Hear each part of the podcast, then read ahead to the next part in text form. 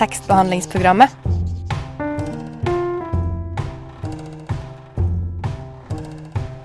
Tekstbehandling på radio.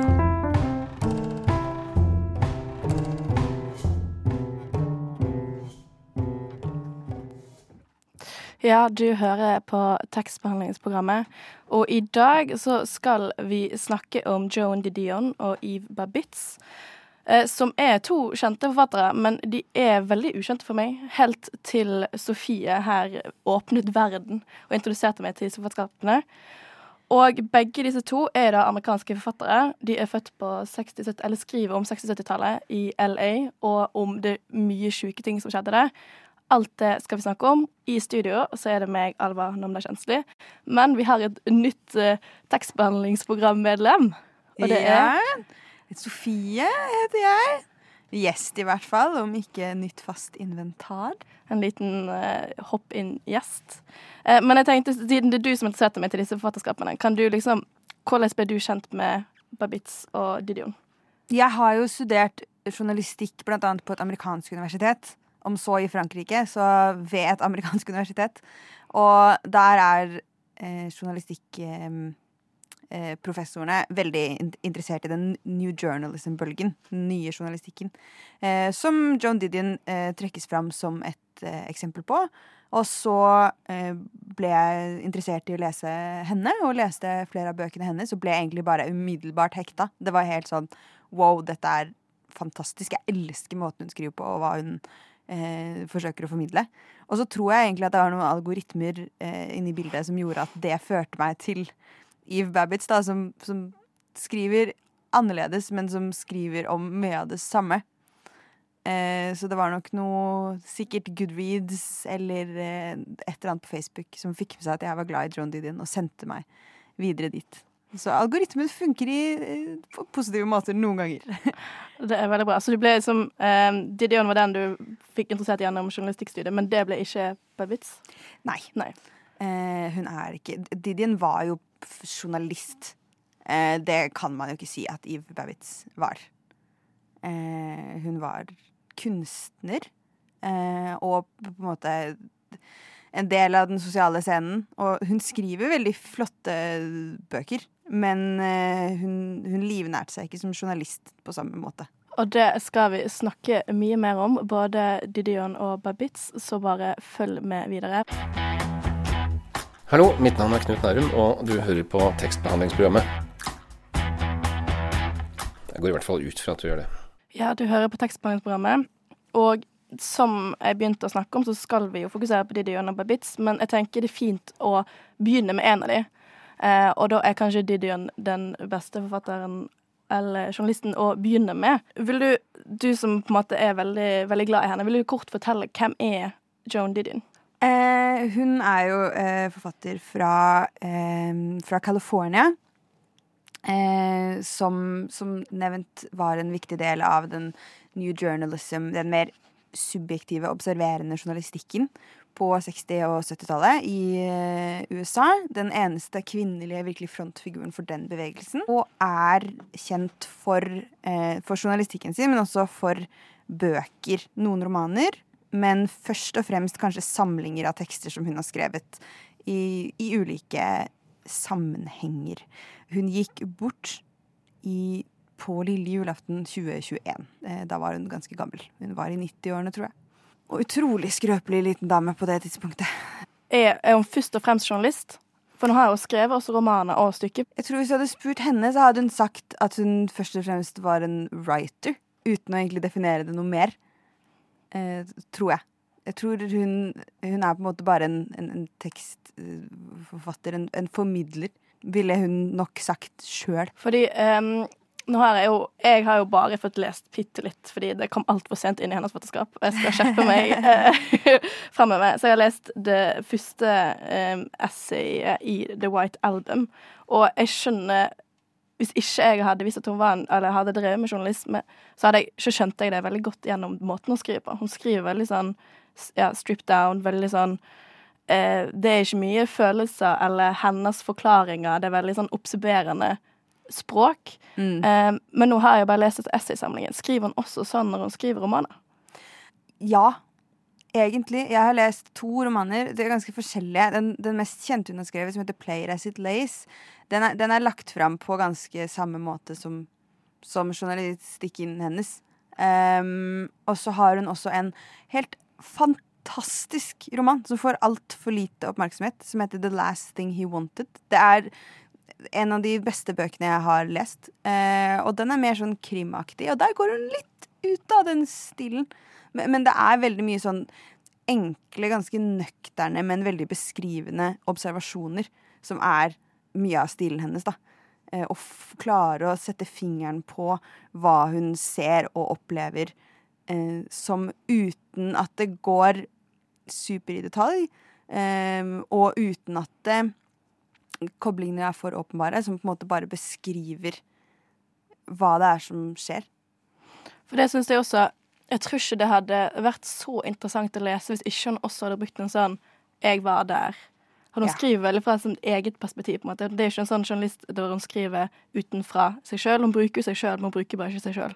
Mm. Um, og jeg syns det gjør det Var hun faktisk der på alle de sakene hun skriver? Jeg blir veldig sånn wow, hun har vært innom mye forskjellig. Jeg har bare lest ett essay så langt.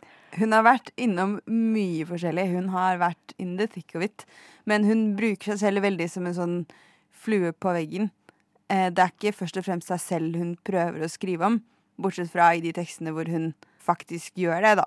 Hun har jo, eh, i hvert fall tekstsamlingene sine, en, en del dagbokaktige tekster. Men når hun skriver om kultur eh, og livet i LA og eh, omegn på eh, 60-70-tallet. Så når hun putter seg selv inn, så gjør hun det med hensikt om å kunne beskrive noe annet eller noen andre på en bedre måte. Veldig tydelig. Eh, og det er veldig kult. Hun er en, hun er en kjempegod, eh, veldig balansert reporter. Har du, eh, har du noen eksempler på det? Jeg syns jo, eh, som The White Album, som jeg også har eh, fått deg til å lese, fordi det er bare kjempeikonisk i den teksten som da faktisk heter The White Album, syns jeg hun gjør det utrolig fint. Eh, og nå kommer jeg til å lese på engelsk, vi har jo denne boken på engelsk, begge to. Eh, når hun beskriver åssen hun og miljøet hun var en del av, reagerte på Manson-drapene. Eh, dette er da avsnitt 15 i The White Album. Many people I know in Los Angeles believe that the 60s ended abruptly on August 9th, 1969. Ended at the exact moment when word of the murders on Cielo Drive traveled like bushfire through the community. And in a sense, this is true. The tension broke that day, the paranoia was fulfilled. In another sense, the 60s did not truly end for me until January of 1971, when I left the house on Franklin Avenue and moved to a house on the sea. Så hun, hun bruker jo seg selv veldig fint der. Samtidig så skriver hun om en mye større, veldig kjent sak. Og prøver å sette fingeren på en sånn En, en slags kulturtendens, en, et kulturskifte, um, som har eh, Hun har blitt sitert veldig mye, særlig i senere år etter at Tarantino sin Once Upon a Time in Hollywood eh, kom ut, og disse Manson-drapene kom opp i folks bevissthet igjen, så har det der blitt henta fram veldig mye, og jeg syns det bare er helt det er, det er på en måte en ypperlig måte å bruke seg selv inn i en tekst. Eh, og, og skrive om sitt eget liv, men samtidig egentlig først og fremst skrive om, om noe veldig stort. Absolutt. Og vi skal jo eh, snakke om Yves Babitz, som eh, skrev på en ganske annerledes måte. Så følg med videre. Mamma, pappa, jeg må fortelle dere noe. Jeg hører på tekstbehandlingsprogrammet. Ja, du hører på tekstbehandlingsprogrammet, og i studio så er det meg, Alva, og Fie! Hei, hei. Og vi har eh, nettopp snakket om eh, Didion eh, og forklart litt kort hennes forfatterskap og hvordan hun skriver og hvordan hun plasserer seg inn i, inn i litteraturverden og journalistverden. Men vi har jo også en annen forfatter vi skal snakke om, og det er jo Yves Babitz. Eh, og jeg tenker jeg bare sender ordet over til deg, Sofie, en gang til. Eh, fordi dette er også et veldig nytt, eh, helt nytt forfatterskap for meg. Så gjerne fortell meg hvem er denne Yves Babitz? Eve Babbitt er nok et nytt forfatterskap for, eh, for mange. hun har eh, Hun gikk også bort i desember i 2021, kun noen dager før John Didion, som på en måte sementerte litt den koblingen som mange har dratt mellom de to. Um, og ga henne en del uh, ekstra oppmerksomhet. Hun er også en uh, ganske observerende biografisk forfatter uh, som skriver om sitt liv i LA på eh, 60- og 70-tallet. Eh, men på en, en, litt annen måte. Der Didien er kjent Altså, hun har en journalistisk tilnærming til det hun gjør. Hun er eh, observerende og eh, kulturformidlende, så er nok Babbits mer eh, biografisk. Eh, jobber mer med å formidle liksom sitt, sitt eget liv.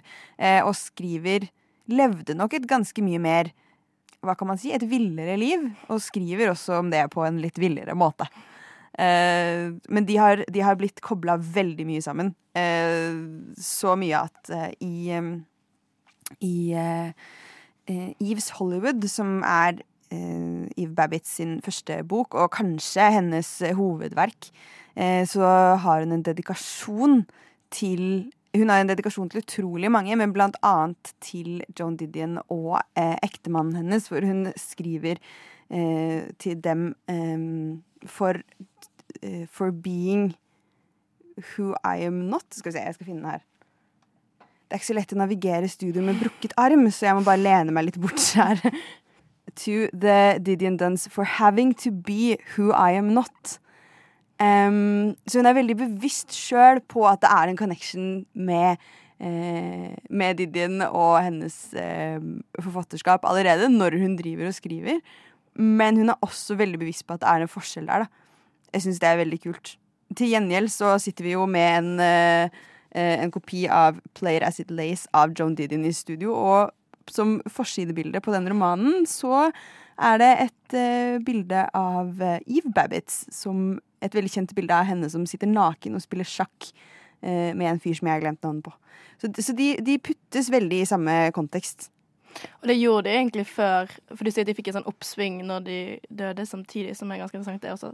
Eh, men denne koblingen har alltid vært der, på en måte, bare ikke så kjent eh, før nå, eller? Ja. Ja. Det, ikke, jeg var ikke i live i LA på 70-tallet, liksom, så jeg skal ikke slå veldig hardt i bordet med så langt tilbake. Men, eh, men ja. Eh, og Eve Babbitts har nok ridd veldig på Joan Didion sin eh, popularitet som forfatter eh, lenge.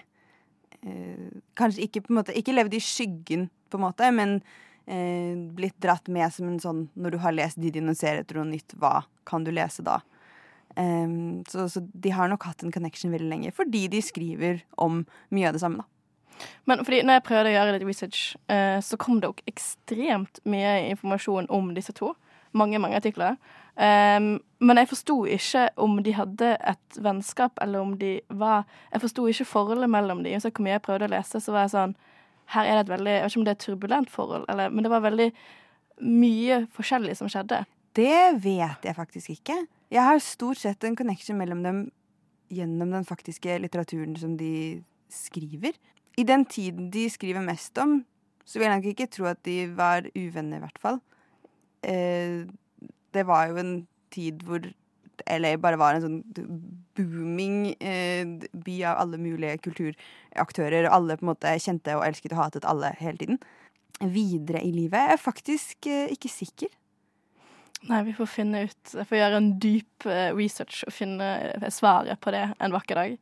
Um, men vi skal jo også snakke mer Vi går mer inn på tekstene uh, straks. Um, så hold dere på linjen. Jeg vil skåle for Friedrich Nietzsche. Skål! Godgutten. Tekstbehandlingsprogrammet for deg som liker Nietzsche. Som forresten bare, bare drakk melk. Eller melk. Og nå har vi jo nettopp introdusert Didin og Babitz. Um, og nå skal vi gjøre det vi har gledet oss til. Eller iallfall du har gledet deg til, Sofie. Nå skal vi prøve å liksom sammenligne disse to og gå litt mer inn i dybden på faktisk måten de skriver på, og tekstene de skriver. Og du snakker jo om Eller man har på en måte aldri snakket at de skriver litt forskjellig måte. At Eve Babitz kanskje bruker seg sjøl mer eh, i teksten enn det Joan Didion gjør. Har du et eksempel på det, eh, Sofie? Ja, jeg har et eksempel fra Eves Hollywood som jeg syns eh, illustrerer veldig godt. Eh, I stad så leste jeg jo opp en tekst fra The White Album eh, av Joan Didion, hvor hun på en måte skriver om en kulturell hendelse, og så putter seg selv inn eh, i det. Eh, og det gjør også Eve Babbitt her, men på en ganske annen måte.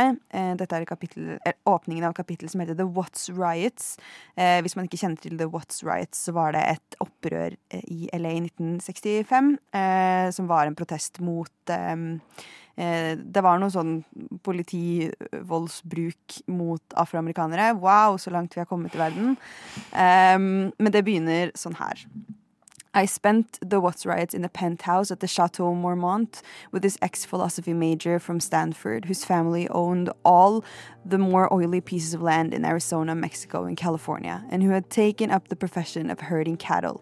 He was a Stanford cowboy, and how I always thought of him in my mind. He showed me his spurs, so I'd believe him, and his saddlebags.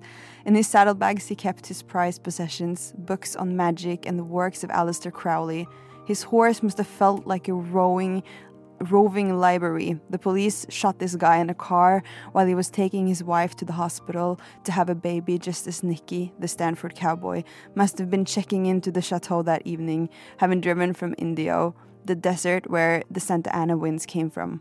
The guy getting shot in Watts made the winds, I think, like escaping gas explode. LA was closed.